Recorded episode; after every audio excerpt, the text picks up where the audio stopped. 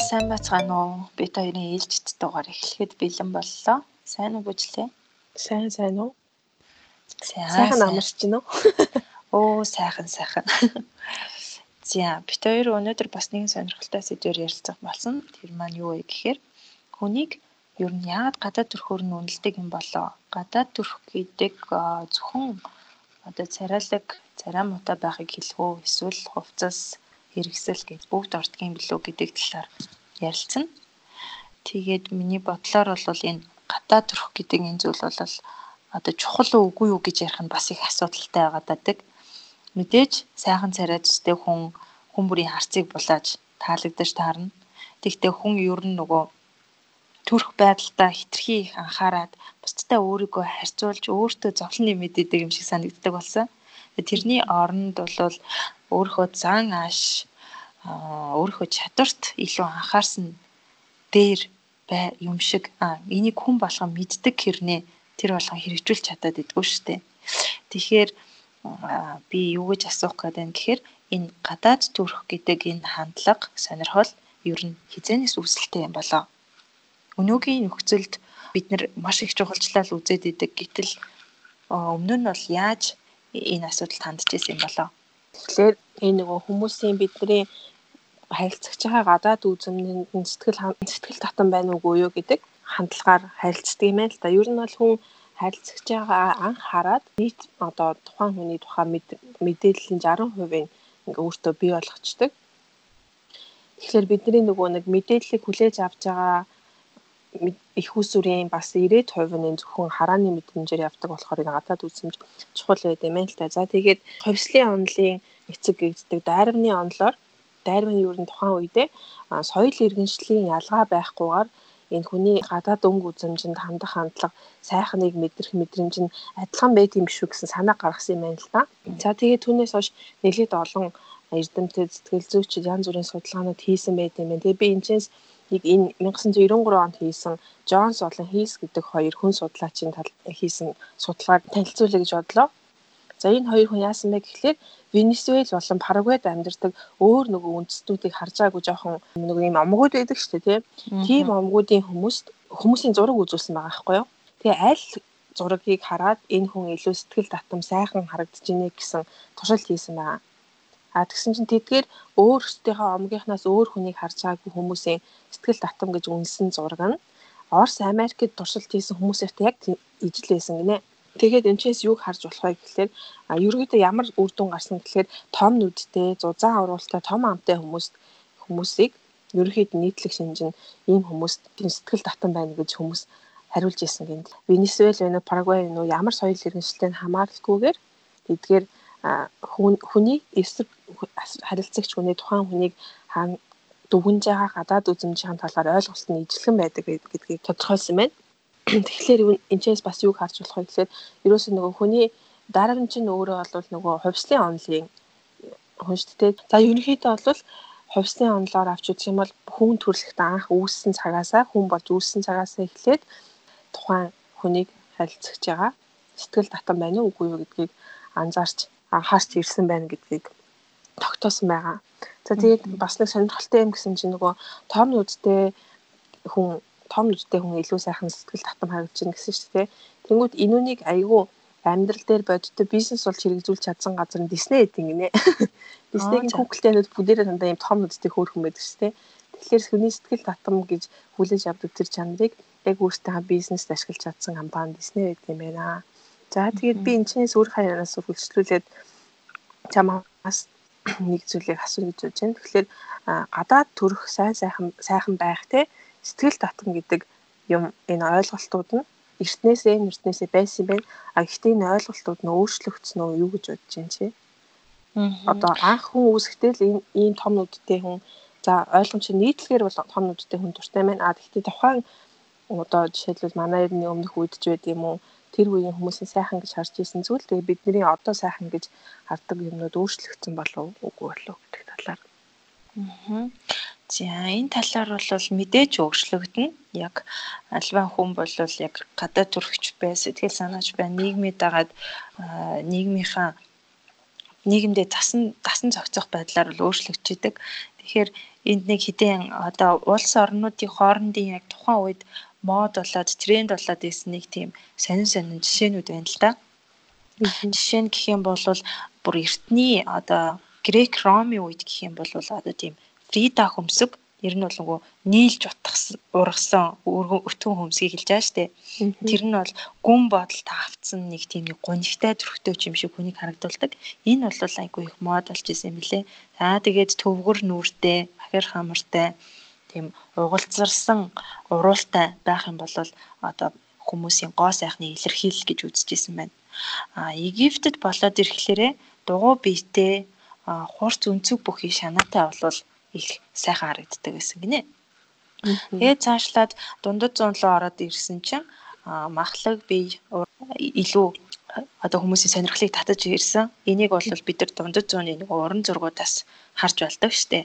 За тэгээд 1600 онд хүрээд ирэхлээр давхар ирүүтэй хүмүүс бас их гой сайхан харагддаг гэж үздэг байсан байна. Аа цаашлаад 19 дугаар зуунд бол корсет модонд болж орж исэн. Энийг бид нар бас кинон дээрээс айгүй их хардаг. Илсэн цаг хэлбэрийн тим биетэй байх нь бол одоо гой сайхан байхын илэрхийлэл гэж үздэг байсан байгаа. За ингээд цаашлаад Бразил, Африк болоод ирэхлээр уруул болон чихээ сунгах нэг тийм үзэгдэл бол мод болж ирсэн. Энийг одоо ингээд бид нар харахаар бол айгүй тийм гаж харагддаг нэг тийм нэг дарваасаа урал руугаа ингээд нэг мухаа юм чихчихсэн чихээ ингээд амар том цоолчихсан тий. Тэрийг ингээд тэр арсыг сунгаад тэлцэн нь бол одоо бол мухаа харагдах юм тухайн үед бол их сайхан тооцогддог байсан байна. Аа Тайландууд бас айгүй тийм гаж гимээр нэг тийм байсан болохоор төмрөн гинжээр ингээ хүзүүгээ уртсагдаг. Одоо Тайланд эмэгтэйчүүд бүгдээрээ урт үзүүтэй байдгийг нууц нь нэг тийм гинж хүзүүндээ хийждэг байсан ба одоо харахад яаж хөдөлтийн болдоо гэмээр тий. За тэгээд Азаас болоод ирэнгүүт хятадууд байгаа. Хятадуудын нөгөө нэг давсан төлөө төрдөг үзэгдлийг бол бүгд мэдж байгаа шүү дээ. Энэ нь болохоор хамгийн амар нь ерөөсөө 4-өөс 5 нас хүрмэгц октоодыг 4-өөс 5 нагц өрмөгц хөлийг нь маш чанга давстай тийм боолтоор ингээд боогод тэгээд 10 нас хүрэнгүүт тэр нь тэр жижигрээд одоо тийм лянхуа цэцэг хэлбэртэй болдог байсан гинэ. Тэгээд тэр лянхуа цэцэг хэлбэртэй болж байгаа тэр хөл нь ердөө 10 см-ийн хэмжээтэй. Тэгээд тэд тэгж боолгосныхоо дараа алхаж явхад суралцаад 2-оос 3 жилийн дараа нөхөрт гарахад бэлэн болдог гэсэн гинэ. Энэ бас айгуу сан. Тэгээд ингээд бодохоор бүр 10 бараг 3 4-төдөө ингээд нөхөрт гаргацдаг байсан. Тэгээд дээрэс нь энэ нь одоо тухайн хүний нийгмийн гарал түвшинг илэрхийлдэг. Тухайн үед одоо сүйт залуучууд нь хятадуудын сүйт залуучууд эхлээд сүйт бүсгийнхээ хөлийг хараад дараад нь царайг хардаг байсан гэж байгаа байхгүй юу. Тэгэхээр сонин одоо бол бид нар ерөөсөө төсөөлөгдөхгүй байгаа шүү дээ. Энэ нь тухайн үедээ бол эмгтээчүүдийн гоос үүсгэлэнгийн одоо хамгийн гоё илэрхийлэл байсан гэж яригддаг ч гэсэндээ яг тухайн хүн дээр бол насан туршдаа нэг тийм тав тухгүй мэдрэмжийг төрүүлж явж идэг гэсэн гинэ. За тэгээд монголчууд байна л да. Монгол хаттын гоё одоо дээл хувцас гоёл чимэглэл гэхээр хамгийн тод нь нөгөө нэг үсээ дэрил гэж дугуулад Тэгээд үснийхаа дунд хэсэгт нь тийм мөнгөн хавчаар, уг хэсэгт нь тийм 100 хавчаар зүүж хэлбэрт оруулдаг байсан. Тэгээд энэ бас л одоо тухайн нийгмийнхаа зэрэг зиндаа гэлтэгдэг. Жишээ нь одоо оройвч химих тэр нэг толгойдоо ингээ боодог үсээ ингээ дэрэлхийн өмнөх нь толгойд боодог боолт нь онгорхой явах юм бол одоо харц хүнийг илэрхийлдэг. Аа тэр нь битүү одоо хорол чимэглэлтэй байвал хатан хүнийг илэрхийлэх ч юм уу нэг ийм ойлголтууд бас байсан байгаа. Энээс гадна тэгэл дээрэс нь алтан мөнгөн, эмэг бөгж, бугуувч аксессуарууд бас нэмэгдэж байгаа юм байлээ. Монгол хүмүүртлүүд энэ Монгол хат нөгөө хатан засалттай үсний талаар юусэн мэддгүй байсан биз дээ. Наа чинь нэстэй сонирхолтой юм байна. Тэгэхээр ерөөсөө эндээс хүн төрөлхтөн болвол эрт дээр үеэсээ тийм гой сайхан татагддаг өөрийнхөө гадаад үзмжинд ингээд маш их анхаардаг байсан харагдаж байгаа байхгүй юу.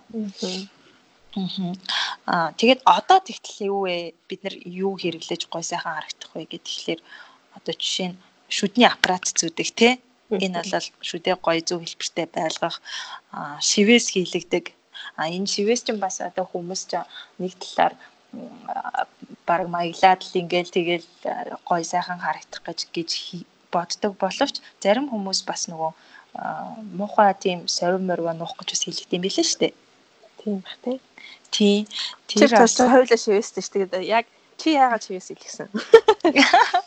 Оо минийх бол сорин морин нуух гэж хэлгээгүй. Зүгээр л одоо гой сайхан харагдах гал хийсэн байсан. Тийм л юм шиг байгаа тий. Тийм л бах та одоо тухайн үед тэгж бодсон баг. За тэгээл одоо нөгөө гоо сайхны мэс заслаа шүү дээ. Давхраа хэлгэн, хөмсөг хэлгэн, хамраа хэлгэн гээл те. Уруул хөхөөгцгөр шахуулна гээл. Гих мэтчлэн энэ одоо ингээд өөрчлөлтүүд бол явагдсан байгаа. Тэр бол юу юм бэлээ? гоо сайхны мэс засалт хамгийн ихээр ордог тэрийг хамгийн их анхаарлын төвд байлгадаг улс бол мэдээж Солонгос нэгдүгээрт орд юм билээ. Тэгээд одоо Хятадууд ордог болсон. Солонгос яагаад тэгдэг вэ гэхээр одоо хөгшин хүнч байсан хамаагүй эрэгтэй хүнч байсан хамаагүй бид нар бүгдээрээ мэдж байгаа тий гоо сайхны мэс засалд орж идэг. Тэд нар өөрсдийгөө илэрхийлэх хамгийн хүчтэй зэвсэг нь гадаад төрөх гэж одоо бүр эрт үеэсээ бүр цуснд нь тийм юм байдаг юм байна л да. Одоо солонгос кино минон дэр ч гэсэн ингээл байдаг штэ. гардаг штэ. Нөгөө ордонд ингээд шивгчэн огтыг ч юм уу одоо хааны эсвэл ямар нэгэн тийм татвар юм юм болгохдоо дандаа царайг нь эхэлж харж идэг. Тэгэхээр ерөөсөө тэр нь ингээ өөрсдөд нь шингэсэн байдаг. Тэгээд өөрийгөө хүндлэх одоо сэтгэл ханамжтай байх тэр нэг гол ганц арга нь бол ерөөсө гадаад төрөх гэж солонгосчууд бол эр эмгүү хөгшин залуугүй бат итгэсэн байдаг гэд нэг юм бид нэр уншиж исэн. Тийм. Тэгээд аа хоёрт нь болохоор хятадууд орж байгаа. Хятадууд бол одоо бас айгүй их гоо сайхны мэдсэл хийлэгдэг болцсон одоо нөгөө аав ээж нар ах эгч нар ярьдаг ш та тухайн үед ирээн гарахад нэг бамбаас өмдтэй нэг мажисын юмнууд л явдаг байсан гэд тий Тэгсэн чинь одоо хятадд очиход бол нэрээ үнэхээр гоё октод байдаг болцсон бэлээ зарим нь өстө тэгэл гоо сайхны мэсэлд орсон уу ороогүй юу хамаагүй эсвэл одоо ген тэгж өөрчлөгдөх боломж байдаг уу гэсэн. Тийм амар генти өөрчлөлт байдгүй гэж би уншсан. Тий, ямар ч байсан хятадууд бол бас нөгөө нийгмээд байгаа төгжлөд байгаад маш гоё цэвэрхэн гоё болсон. За тэгээд Америкчууд болохоор гадаад төрхийг нэг их чухалчилдаггүй гинэ.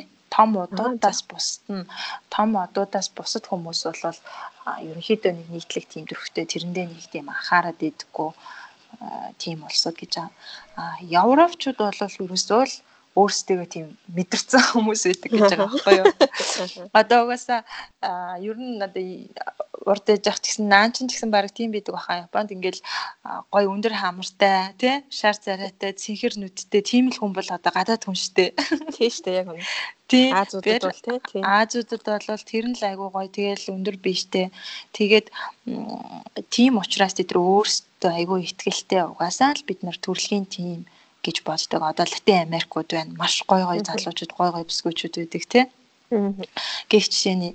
Тэгтээ яг үүний эсрэг би бас саяхан нэг мэдээлэл уншаад байжсэн чинь одоо ингээд бас өөрчлөгдөд яг энэ Европоос илүү Аз төрхтэй хүмүүс бас айгүй их модонд орж байгаа гинэ.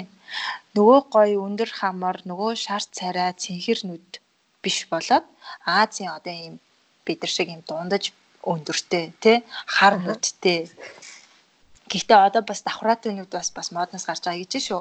А тийм гэсэн шүү. Нэрээ тийг сонссон. Тий. Тий. Тэгээд буцаад ингээд нөгөө яг дэлхийн мод иргэнэ гэдэг шиг ингээд Аз эмэгтэйчүүд бас буцаад аягүй их модонд орж байгаа гэсэн нэг тийм юм байсан. Тэр бас надад аягүй үнний ортой санагдсан.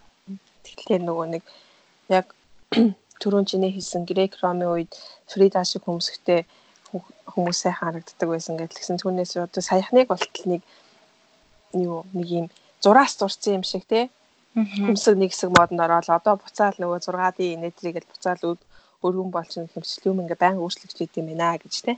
Аа. Тэгээд энэ дээр нэг юм нэмж хэлэхэд ер нь хүн одоо насан туршид ч юм уу нийгмийн харилцаанд ороод ирэхээр хүний царай төрөхтэй гаднах сайн сайхан гаднах төрхийн сэтгэл татан байдлыг анзаард юм уу бас үгүй юм байна. Сэтгэл судлалын бас энэ их алдартай туршилтуудын нэг л те хүүхэд 0-оос 0-оос 3 сартай хүүхдүүдэд нөгөө ингээд дөнгөж төрсэн хүүхдүүдэд янз бүрийн зураг үзүүлсэн байгаа байхгүй юу. Тэгээ хүний царайтай зураг, тэгээд хэвлэмэл материал, бөөрөнхий дүрснүүд тэгээ улаан өнгөтэй бөөрөнхий цагаан ногоон янз бүрийн бөөрөнхий дүрснүүдийг үзүүлээд тэгээд алийг нь хамгийн сонирхож ийнэ гэсэн чинь энэ бага насны нэраа хүүхдүүд хүний царайг хамгийн их удаан хугацаанд харж тархинд нь хөөрл үүсэж исэн юм байна. Тэгээ энэс харахад ер нь бол хүн төрхөөсөө ахуулаад ерөөсөө бусдын одоо нүүр царай төрхөнд сонирхол сонирхол төрүүлэх сонирхол сонирхолтой байж байдаг юм байна л да. За яа нэг нөгөө нэг би энэ ч хоёулаа нэг тайлбар хийчихэдэг хөө. Японд 5 жил болцсон. Яг бүх юмыг сэтгэл судлаач хэлдэг бүгдийг японоор үзчихсэн болохоор зарим үгийг монголоор юу гэж хэлэх вүлээ энэ төргээ заримдаа бодоод нэг юм сонин сонин яриад байдээ шүү. Зарим хүмүүс ойлгоорой гэж хэлээ. За тэгээд үргэлжлүүлээд хүний гадаад үзмж нь тухайн хүний зан чанартай холбоотой юу? Чи юу гэж бодож байна? За, ер нь бол миний бодлоор бол холбоотой баха. Гэхдээ яг бас 100% холбоотой гэж хэлчихээр бидний бас нөгөө гадаад чинь ингээд цаг хугацааны явцад өөрчлөгдөж байгаа болохоор зан ааш гэсэнтэй өөрчлөгдөж байгаа шүү дээ. Тэгвэл бас яг 100% ингээд аа ингэж хувцалсан юм чинь энэ ийм л ааштай байгаа гэж бат итгэх бас хэцүү байх гэж бодож байна. Тэгэхээр би энэ ч зарим нэг одоо ямар хандлага байсан бэ? Яг үнэхээр зун чанартай уу гүм үү гэдгийг тайлбарлах гээд орол тээ. За лом гент хэргийн сэтгэл судлал дээр аягүй их нэр нь гардаг ломбросо гэдэг эрдэмтэн байдаг. Гент хэрэг судлаач. Тэгээ тэр хүний тухайн үед үзэжсэнээр болохоор ийм морин шүдтэй, жижигхэн нүүртэй хүмүүс их гэмт хэрэг үлддэг гэж тухайн хүн тэр хүн бодсон байгаа байхгүй юу? Тэгээ нөгөө хүний биеэр нь махлаг биетэй, хитрхи туранхай хүмүүс энэ төр гээд ийм биетэй хүмүүс ийм дүр төрхтэй хүмүүс гэмт хэрэг үлддэг гэх мэтлэн ийм онлуудыг дэвшүүлж исэн. Бас Галтон гэдэг эрдэмтэн болохоос харамгчтай төстэй дүр төрхтэй хүмүүс ерөнхийдөө их гэмт хэрэг хийдгээ одоо онол дэвшүүлсэн таамаглал дэвшүүлсэн байхгүй гэсэн чинь хамгийн инээдтэй нь өөрөө энэ онолоо баталгаажуулахад нөгөө гемт хэрэг үйлдэлсэн хүмүүсийн энэ зургийг нийлүүлээд нийтлэг төрхийг гаргахаар оролцсон чинь хамгийн гайхамшигтай нь маш тийм царайлаг залуу гарч ирсэн гэж байгаа байхгүй юу. Тэгсэн мань хүний онол болохоор өөрийнх нь таамаглал болохоор санамгчтай төстэй хүн байвал гемт хэрэг хийдэг гэсэн чинь гемт хэрэг хийсэн хүмүүсийн дундаж царайн тийм сайхан залуу байсан гэсэн. Тэгэхээр ерөнхийдөө яг үнийг хэлэхэд бол гадаад үзмжнийх хүний зан чанартай холбоотой байдгүй маа гэд. Тэгээ ерөөхдөө олон маш олон эрдэмтэд энэ таамаглалууд үнэн юм уу, үгүй юм уу гэдгийг баталгаар туршилтууд хийсэн байдаг. Тэгээ бас нэг Cook гэдэг эрдэмтний бас нэг туршилт байгаа. Тэр нь болохоор нөгөө оюутнуудад бас нэг өөр оюутнуудын зураг үзүүлээд за тэгээд энэ оюутан оюун ухааны чадвар өндөртэй юу та юу гэж бодож байна гэж асуусан байгаа. Тэгээд хариулт өгсөн хүмүүсийн бүх хариулт өгсөн хүмүүсийн хариултууд нь хоорондоо айгүй таарч исэн. Тэр нь үзүүлсэн зураг нь болохоор их тийм царайлаг сайхан сэтгэл татам сарайтай хүн байж таарад. Тэгээ бүгд IQ өндөртэй мундаг хүн гэдгүүсэн чинь яг үнэхээр тухайн хүний үзүүлсэн оюутнуудын зурагтай бол таараагүй. Тэгэхээр хүмүүс бол хүний гадаад үзмжээс нь хараад сайхан дүр төрхтэй хүн байвал сайн хүн гэж үгнэлж дүгнэлт юм байна гэдэг дүгнэлтүүдийг дүгнэлтэнд хүрч байгаа юм л энэ олон судалгаануудаас харахад а гэхдээ судалгааны үр дүн бүгдээрээ хүний гадаад үзмж болон оюун санаа оюун ухааны байдал зан чанарт нь шууд холбоогүй байдаг гэдгийг тодорхойлсон байна. Яг тийм биш тий. Одоо ер нь Монголд ч гэсэндээ нийгмийн нөхцөлд нэг тийм юу гараад идэг ш нөгөө гадуур нөгөө хулгай айгүй ихтэй. Тэгэл ингээл хилдэг ш юм алдсан хүмүүс. Хаста хинж хулгайч гэж харгааргүй хүн байсан гэл Тэгээд айгүй сайхан хувцс дүрхтэй ийм юм байж байгаа л миний утсыг ингээд аваа явцсан байсан ингээд худлаа хэлээл ч юм уу тий. Яг үнэ. Тий. Тэгэхээр бас үнэхээр тийм юм биш үү? Сонирхолтой юм нэг жоохон хүүтэн царайтай ч үгүй юм уу жоохон өвс зүс нууч гэдэг юм нэг тийм хүмүүсийг харахаараа нэг айц төрдөг шттэй хүнд. Тэр бас хүнийг гадаад үсэн бэ аяга муухай дүгнж байгаа. Энэ бол яг нэг одоо нийгмийн хүмүүсийн яг сэтгэгүйд яг тогтсон нэг тийм нийтлэг ойлголт байгаа юм л да тий. Тэгээ нөгөө хошин шаг дээр хүртэл гардаг штэ. Нөгөө богц зардаг да гудамжинд тийм хүн байсан. Тэгээл хүмүүс ингээл урдуур хаагуурны явахдаа нэг 500 600 төгрөг шидчихдэг. Тэгсэн чи яг ясан юм дээрээ тэгсэн тэр нь бүр юу тэр мөнгө өгж байгаа хүмүүсээс илүү амарлаг гаштай тий. Машинлогийн тий тий баян байж идэг. Энэ бас айгуу судалгаан дээр үнэлж хийсэн юм биш үү? За тэгээд үргэлжлүүлээд хувцас царай хоёр юу ямар хамаалбаа хамааралтай юм бол яагаад хувцас бурхан бие чөтгөр гэж ярьдаг юм бол чи гэж бодож байна. Бас нөгөө цаар нь уртаж ухаанаар нь үүднэ гэж ярьдаг те. Тийм. Эднээс ямар учиртай юм бол чи юу гэж бодож байна? Хувцас бурхан бие чөтгөр гэдэг чинь яг л үнэн санагддээ шүү. Надад бол ямар ч одоо хүн ер нь ямар ч бие галбиртай байж болно. А гэхдээ өөрт тохирсон хев загварын үзэмжтэй ч юм уу тийм хувцас өмсгөөрөө биеийнхаа илүүд дөө өөсөвийг нуун дарагдуулдаг тий? Гоё харагдаж чаддаг. Тэр хувцаар нутаж ухаанаар нь дүгнэн гэдэг бол бас л их нөгөө хүнийг дүгнж байгаа. Мэдээж одоо ухаан санаас харуул сэргийх ч юм уу одоо юу гэдгийг зөв сайхан зүйл сэтгэж байгаа хүн ч юм уу за муу муухай байсан ч хамаагүй яах вэ ямар хувцас өмсөж гин ямар стилний байна гэдгийг бас тэр хүний зан характерыг баг ч гэсэндээ илэрхийлдэг юм болоо гэж боддөө шүү дээ. Тийм тийм. Тэгэхээр энд бас нэг сонирхолтой судалгаа байна л да. Яг чиний хэлсэн хэлснийг батлахаар би судалгааны туршилтын имийг бас хэлж өгье. Бас оюутнууд дээр хийсэн туршилт тухайн их сургуулийн те тухайн факультетийн ч үгүй юм уу энэ айгүй гоё залуу гэж дүгндэг залуугийн зургийг үзүүлээд за энэ бол нэг тийм тийм үзэмжтэй залуу биш гэж боддог залуугийн зургийг эхний ээлжид үзүүлээд үнэлүүлсэн байгаа байхгүй юу.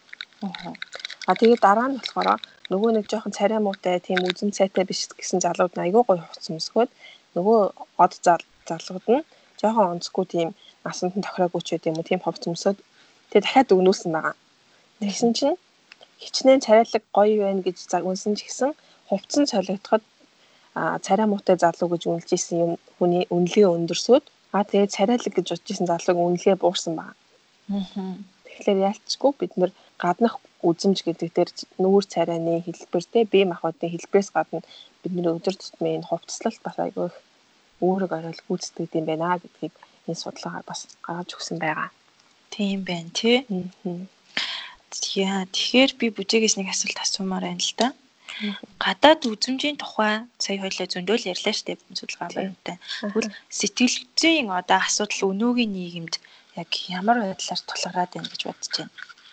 Тэгээ ер нь бол гадаад үзмжийн талаар асуудал бол хүний өөрийн хөгжлөөс үеийн хөгжлийн анхны үеэс эхлээд байд юм байна гэж хоёлаа сая ярьсан тийм. Тэгэхээр яг одоо бидний амьдарч байгаа энэ шинэ үе, шинэ нийгэмд гадаад төрхийн талаарх асуудлууд халдварт өвчин бий тархаж байна гэж тодорхойлсон байсан. Аа жишээлбэл нөгөө охтууд те баар би шиг байхыг хүсдэг. Тэгээ бас нэг ийм судалгаа байсан. Охтуудаас чи том болоод чиний өс чинь ийм гоё урт урт ургуул чи ээжхийн өнгийн өстэй болмоор байна уу гэж охтуудаас асуусан байгаа байхгүй юу? Тэгсэн чинь үгүй би барбиных шиг өстэй болмоор гэж хариулсан байгаа байхгүй юу? Тэгэхээр охтуудын хувьд бидний одоо бодож байгаагаар ээж нь хамгийн сайхан байх хэрэгтэй байхад барби шиг байхыг хүүхдүүд хүсдэг болсон байна хүүхдүүдэд зориулсан Монголд бол бас бага ч гэсэн энэ Европ, Мовроп их байд юм байлээ. Охтуудад зориулсан, хөвгүүдэд зориулсан зураг тууцнууд сэтгүүл дээр дандаа яаж гоё болох вэ? Яаж турах вэ? Тэ өсвөр насны хүүхдүүдэд яаж гоё нүрээ бодож сурах вэ гэдэг юм уу? Тиймэрхүү мэдээллүүдийг маш их өгдөг болсон. За тэгээд бас нэг энэ тоо баримт байсан. Хүүхдүүд 11 мянган цагийг хичээл хийхдээ өнгөрүүл хичээл хийхийн тулд 11 мянган цаг зарцуулдаг байхад эсвэргээрээ 15 мянган цагийг телевизээр компьютер телевизээр үзэх YouTube үзэхдээ энэ нэг онлайн орчинд өнгөрөхийг одоо өнгөрөөдөг байна л та. Тэгээд тэр хугацаанд нийт 35 мянган удаа хүүхдүүд энэ рекламыг үздэг гэж байгаа хгүй. Тэгээд тэр рекламны дээлэн хувийг нь зөвхөн сайхан харагдах, гоё туранхай эмэгтэй байх, гоё өндөр байх гэдэг юм. Хөвгүүдэд нь болохоор туранхай байх, тэгээд гоё булчинтай байх гэдэг юм бол энэ нийгэмд хүлээлт үүсгэж байгаа юм шиг ойлголтуудыг өгж байгаа. Тэгээд энэ нь болохоор хүүхдүүдэд биш хүүхдүүдэд ганцхан биш томчуудад насанд хүрсэн хүмүүст хүртэл өөрөө өөрийгөө голохтэй өөрийнхөө гадаад үзмжинд сэтгэл санаагаа унах тийм байдалд хүрэж байгаа гэж үзэж байгаа. Ерөнхийдөө тэгээ 2-оос 3 настай хүүхдүүдэд анхны одоо өөрөөсөө ичих мэдрэмж төрд юм байна л да. Гадаад үзмжтэй холбоотойгоо. А тэгээд 4-оос 7 нас хүрээд ирэхээр гадаад үзмж болон өөрийнхөө гадаа өөрийнхөө гадаад үзмж болон би гэсэн үнэлгээнд холбоотой болж эхэлдэг гинэ. За. Тэгээд тэгсэн чинь аюус байна. Тэрний дараа 8-аас 10 настай болоод ирэхээр хүүхд дүүрхээ гадаад үзмж сэтгэл хангалуун болсуулж эхэлдэг гэж байгаа. Тэгээд энэтэй холбоотойгоор яагаад тэгдэг вэ гэхэлэр яг нөгөө нэг бага ангийн хүүхдүүд би бинийгаа айгүй одоо гадаад үзмжээр нь шоолдог юм их гарч эхэлдэг сургуулийн орчинд. Яг үнэ. Тэнгүүд хүүхдүүд би миний гадаад үзсэнж болохгүй байна гэдэг юм. Тэгээ бас нэг юм судалгааны асуултуудын хариултуудаас жишээ олгоод би нэг уншижсэн. Тэгсэн чинь нэг хүүхэд би ингээд тарган Тэгээд намхан болохоор сургууль дээр очих хүүхдүүд намайг шоолдог. Тэгээ би гэрээсээ гарах дурггүй гэж хариулт өгсөн байсан. Тэгэхээр яг нөгөө энэ насны хүүхдүүдэд би гэдэг үнэлэмж миний гадаад үзэмж гэдэг үнэлэмж үүссэн байгаа үед нь найз нөхд нэргэн тойрных нь тийм сөрөг үнэлгээ өгөхөр хүүхдүүд бас одоо сэтгэл санаа аргунах юм бас байд юм байна. Тэгээд өнөөс үйлчлүүлээ шилжилтийн насн дээр очихоор өөрийнхөө гадаад төрхөнд сэтгэл хангалуун бус байдал бүр өндөр болж эхэлдэг. Ер нь хамгийн өндөр үе ингээд юм байна. Яа тэгэхээр нөгөө нэг сэтгэл шилжилтийн нас гэдэг чинь нөгөө нэг яг нөгөө гормоны өөрчлөлт ороод эмэгтэй хүүхдүүд нь эмэгтэйлэг шинжтэй, эрэгтэй хүүхдүүд нь эрэгтэйлэг шинжтэй болж өөрчлөгддөг байна шүү дээ. Тий. Тэнгүүд нөгөө нэг хүүхдүүд чинь октод нь тий заримийнх нь биений мэрцэн байхад нөгөөт нь ирээг байдаг ч юм уу хүн төрүүлээд нэг найз нургасан бат өөрөх нургаагүй ч гэх юм гэх мэтчил нэг иймэрхүү асуудал болсон хүүхдүүд аюу сэтгэл санаагаар ундаг гинэ. Аа энэ бол яг үнэн шүү дээ тий. Тийм тэгээд эдэр насанд бол нийгмээс ирж байгаа хүлээлтүүд илүү их сэтгэл санааны хүндрэлд оруулдаг. Жишээлбэл одоо нэгдүгч гарцсан хүн байхад тийм ээ биднэрт нэг тийм стереотип байдаг ч юу н хүмүүст нэг хөдөөж гарсан хүн нэг иймэрхүү хувц өмсгөн зохистой зохисгүй гэх мэтчлэн тий. Тэрхүү стереотипууд нийгмийн хүрээнд тэр хүнийг яаж үзэж байгаа нь илүү шалтгаан оруулдагс ш хувь хүн өөрөө би одоо гадаад үзэмдрэндээ одоо сэтгэл хангалуун байна уу биш байна уу гэдэг тийм айхтар өөрчлөл ордгоо юм байна. Тэгээ үрдэл насанд болоод ирэхээр үрдэл насанд очсон хүмүүсийн одоо гадаад үзмжиндээ хэрхэн ханддаг ямар асуудал үүсдэг вэ гэдэг талаар тодорхой хэмжээний дүгнэлт гаргахаа судалгаанууд бас цөөхөн байдаг. Тийм болохоор би яг энэ дээр бол тийм байдгаа гэж хэлж мэдэхгүй байна. Аха. Харин тий би бас яг бодож байна л да. Яг тэр нэг одоо өсвөр насны дээр ирээл бага насны үед магадгүй нөгөө тухайн хүүхдийн сэтгүүн арай яг төлөвшөөгүй байгаа. Тийм учраас бусдын нөлөөнд автах нь айгүй их ингээд бусдыг нөгөө таахан дуурайдаг яг нэг тийм насан дээр байгаа тий. Тийм учраас ингээл одоо хүүхдүүд ярьдаг ш. Манай ангийн тэр тийм гой цагтаа байхад надад тийм цаг байхгүй би авмаар байна гэх ч юм уу. Яг тэрнтэй бол бас айгүй холбоотой юм байна гэж бодогдлоо. За тэгээд одоо бидний насанд ирээд ч юм уу эсвэл одоо эдэр насанд ирээд ирэнгүүт бас арай ондоо төлөвч гисэн одоо өөрийгөө ингээд байга байдлаар нь хүлээн зөвшөөрөх тийм чадвартай болсон байдаг шүү дээ тий. Тэгэхээр хичнээн би гой цэвэрхэн л бай. Гой цэвэрхэн хувцлие. Тэгээд ингээд зөв хувцлие өөрөө. Тэгэхэд бол нэг заавал ингээд туранхай байх алба байхгүй. Туранхай хүн болгон гой харагдана гэсэн юм байхгүй тий. Тэрийг ингээд мэддэг, ойлгодог, ялгаж салгадаг болцсон учраас итэр насанд арай юу гэд юм байна гэж бодлоо. Тийм тийм байж болох юм. Гэхдээ бас судалгаанаас харахад эмэгтэйчүүд ямар ч насны эмэгтэйчүүд байсан өөрөө ямар ч жинтэй байсан өөрөө тарган гэж боддог. Жингийнхаа асуудал өөрөө жингийн асуудал гэж боддог гэсэн юм нийтдээ 41 5 кг-тай хүн байсан ч би 40 кг байх хэвээр би жоохон тарган байна гэж боддог нэ тэгэхээр хүний шунал өөрийгөө буруу ойлгодог те өөрөө өөрийгөө ойлгохгүй тэр зам энэ дэр харагдаж байгаа хгүй тий тэр бол тий тэр бол яг хоо эмэгтэйчүүдийн шунал хүсэл гэдэг юм чинь дуусахгүй шүү дээ тэгт. Яг үнэ. За энэ дээр миний найз нүүр одоо эмгтээчүүд нүүрээ будаад л гарахаараа өөртөө ихтэй боллоо гэж ярьдаг шүү дээ. Тийм шүү дээ. Чи тэгдэггүй. Тэгдэж шүү дээ. Би бол 100% тэгдэг хүн шүү дээ. Ингээл яах вэ амралтын өдөр ч юм уу өнөөдөр онцгой ажил байхгүй үед бодоггүй гэртээ өмждөг л дөө. Тэгээ яах вэ аа яг нүрээ бодсны дараа ингээд цаанаасаа нэг тийм мэдрэмж төрөөд идэм а яад гэдгийг мэдэхгүй байна. Гэтэл ингээд айгүй гой өөртөө ихтэй болоод гой харагдаж байгаа да айгүй тийм бардам болох ч юм уу. Тийм байдаг шүү. Яалтчгүй. Би болохоор нөгөө нэг их нүрээ будаад идэггүй шүү дээ чи мэднэ. Тэгээд нүрээ будчаад гарсан үед би өөртөө ихтэй болоод байна уу гэдгийг ерөөсө анзаарч байгаагүй юм байлээ. Би тэгээд энэ нэг Мацуи гэдэг Японы эрдэмтэн сэтгэл судлаачийн нүрэ будсан эмэгтэйчүүд илүү өөртөө ихтэй болдог байна гэсэн нэг тийм судалгааг харчаад за би нэг нүрэ будчихэд гарахтаа өөртөө ихтэй болж ийн үгүй юу гэдгийг анзааръя да гэж бодсон. За тэгээд хэрэглэгчтэй харьцдаг үйлчлэгээний салбарууд биш тий Тинчээ ажилчид нь дандаа их гоё хүмүүс аваад байдаг. Жишээлбэл онгоцны стюардессууд их гоё царайлаг хүүхнүүд байдаг. Залуучууд нь хүртэл гоё байдаг тийм. Энэ яагаад тийм байдаг гэж бодож чинь чи? За энэ бол одоо цэвэр л угаасаа хүн болгоны гадаад төрхийг чухалчилдаг дээр л холбоотой баг. Тэгээд нөгөө олон хүмүүстэй харилцдаг учраас хүмүүсийн сэтгэхгүй дийлэнх нь бол гой сайхан хүнээр үйлчлүүлэх өндөр гуайлаг хүнтэй одоо харьцах тийм сонирхол их байдаг учраас энэ бол цэвэр бас миний бодлоор маркетингийн асуудал баха. Тийм. Тэгээ энэ дээр чи чиний яг зөв. Тэгээ дээрэс нь бас нэг юу гэдэг юм байна л да. Үр нөлөө юу гэхлээр хүн илүү сайн сайхан одоо төрхтэй хүнд илүү хитэгдэг гинэ. Оо за. Тэгэхээр одоо жишээлбэл дэлгүүрийн худалдагч илүү сайхан төрхтэй байх юм бол худалдан авалт хийсдэг гэх мэтчлэн. Аа наад ч юм бол яг бас өмнөний ортой шүү.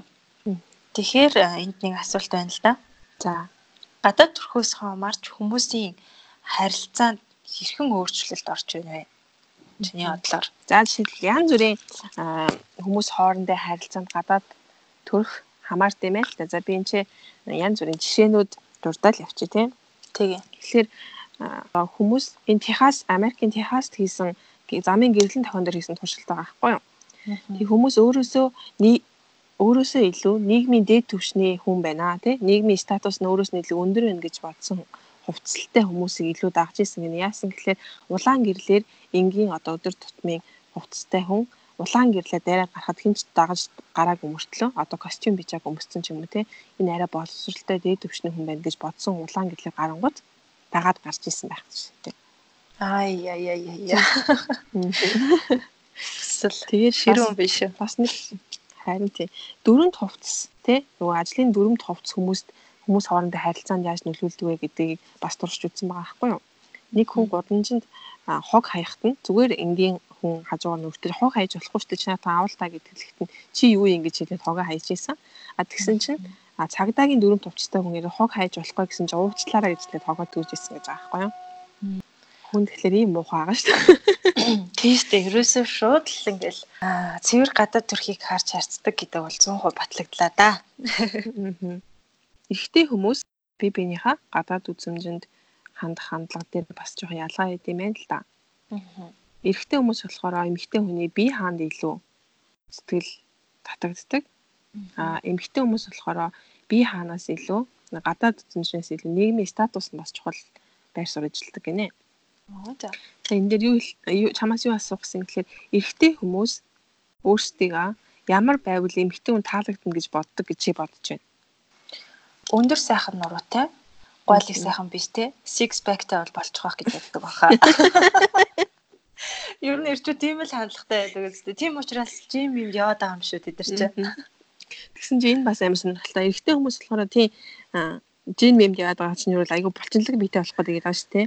Маш юм энэ тэндээс овоож оцоосон булчинтай. Тэгээд том пенистэй байхаа байвал октодод таалагдана гэж боддог гинэ эрэгтэйчүүд. Аа. Ивэдэ гэсэн. Тэгэхдээ хавтаа энэ нөгөө нэг дунджийг л харуулж байгаа шүү дээ. Тэгэхээр хүн болгон тэгэж боддог гэсэн үг биш те. Би тэгэж боддгүй шүү гэдээ орж ирээд байхгүй. Тэгсэн чи яг үндэ эмгтээчүүд нь ямар ирчүүд дуртай байдаг гэхээр тийм амар овоод ч болсон энэ тэндээсээ гарч ирсэн булчин биш. Ерөнхийдөө өндөр өндөр тэгээ тэгш тэмтэй биетэй хүмүүс дуртай байдаг гинэ. Тэгээ хамгийн гол нэгдүгээр байранд орсон үзүүлэлт нь болохоор тухайн хүний нүд.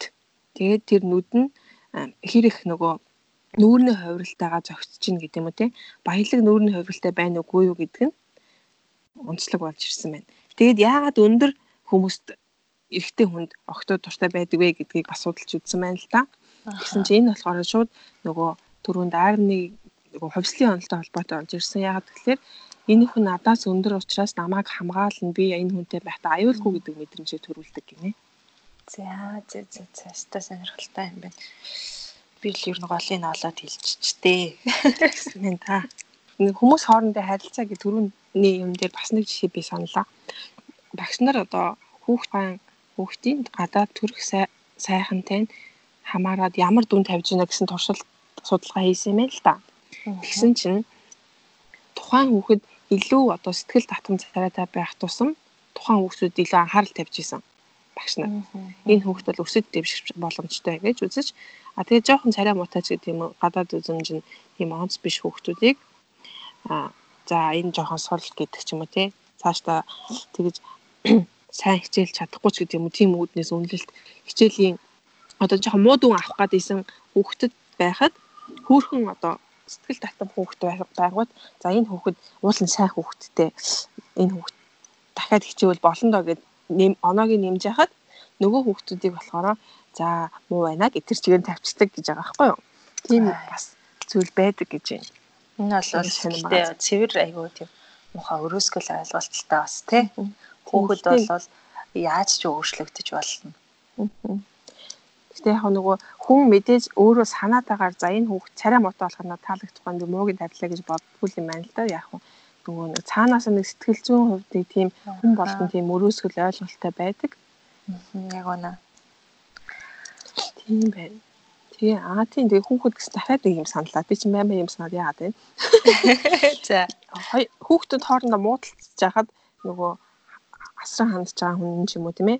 Бас ямар хариу үйлдэл үзүүлж байна? Яаж одоо шийтгэж байна гэдгийг бас судалж үзсэн юм байна л та. Тэгсэн чинь арай нөгөө сайн сайхан үзэмжтэй хүүхдүүдийг уул нь ийм хүүхд биштэй ч гэдэг юм уу те энэ хүүхд ихгүй дээ гэж бодож баг шийдэгжсэн гинэ. А тэгсэн чинь гадаад төрхөн тийм одоо сэтгэл татан биш хүүхдүүдийг болохоор өстой чи муу ингэж болохгүй гэж илүү хатуу шийдэгчсэн гэж байгаа. Тэгэхээр бид нар бол яалтчгүй өөртөө мэдхгүйгээр за санаатаагаар тэгдэг хүмүүс ч болно те бас санаа нүгүүгээ ерөнхийдөө ухамсаргүй байдлаар ингэж хандаад идэх юм байна гэдэг юм юм харилцаан дээр үүсдэг бахнэ. Тийм байх шүү. Тэгэхээр яг хаа энэ бол батлагдаа штэ. Гадаад үзмж ямар чухал вэ? Хүүхэд дээр ч вэ, том хүн дээр ч вэ, тийм ээ. За тэгээд бит хоёр энэ удаагийнхаа подкаст дээр одоо хүний гадаад үзмжээр нь үнэлэх нь зөв үү буруу юу гэдэг талаар ярилцаагүй. Энийг зөв буруу гэж хэлэхэд хэцүү. Энэ бол хүн нөгөө цаанаас сэтгэл зүйн хувьд ийм хувьслынхаа үр дүнд тий 30 30 мянган жилийн хувьслынхаа үр дүнд үүссэн юм болохоор энийг зөв буруу гэж хэлэхэд хэцүү. А гэхдээ ийм юм байдгийн байх шүү гэдгийг мэдээд авцсан хойноо тийм ээ.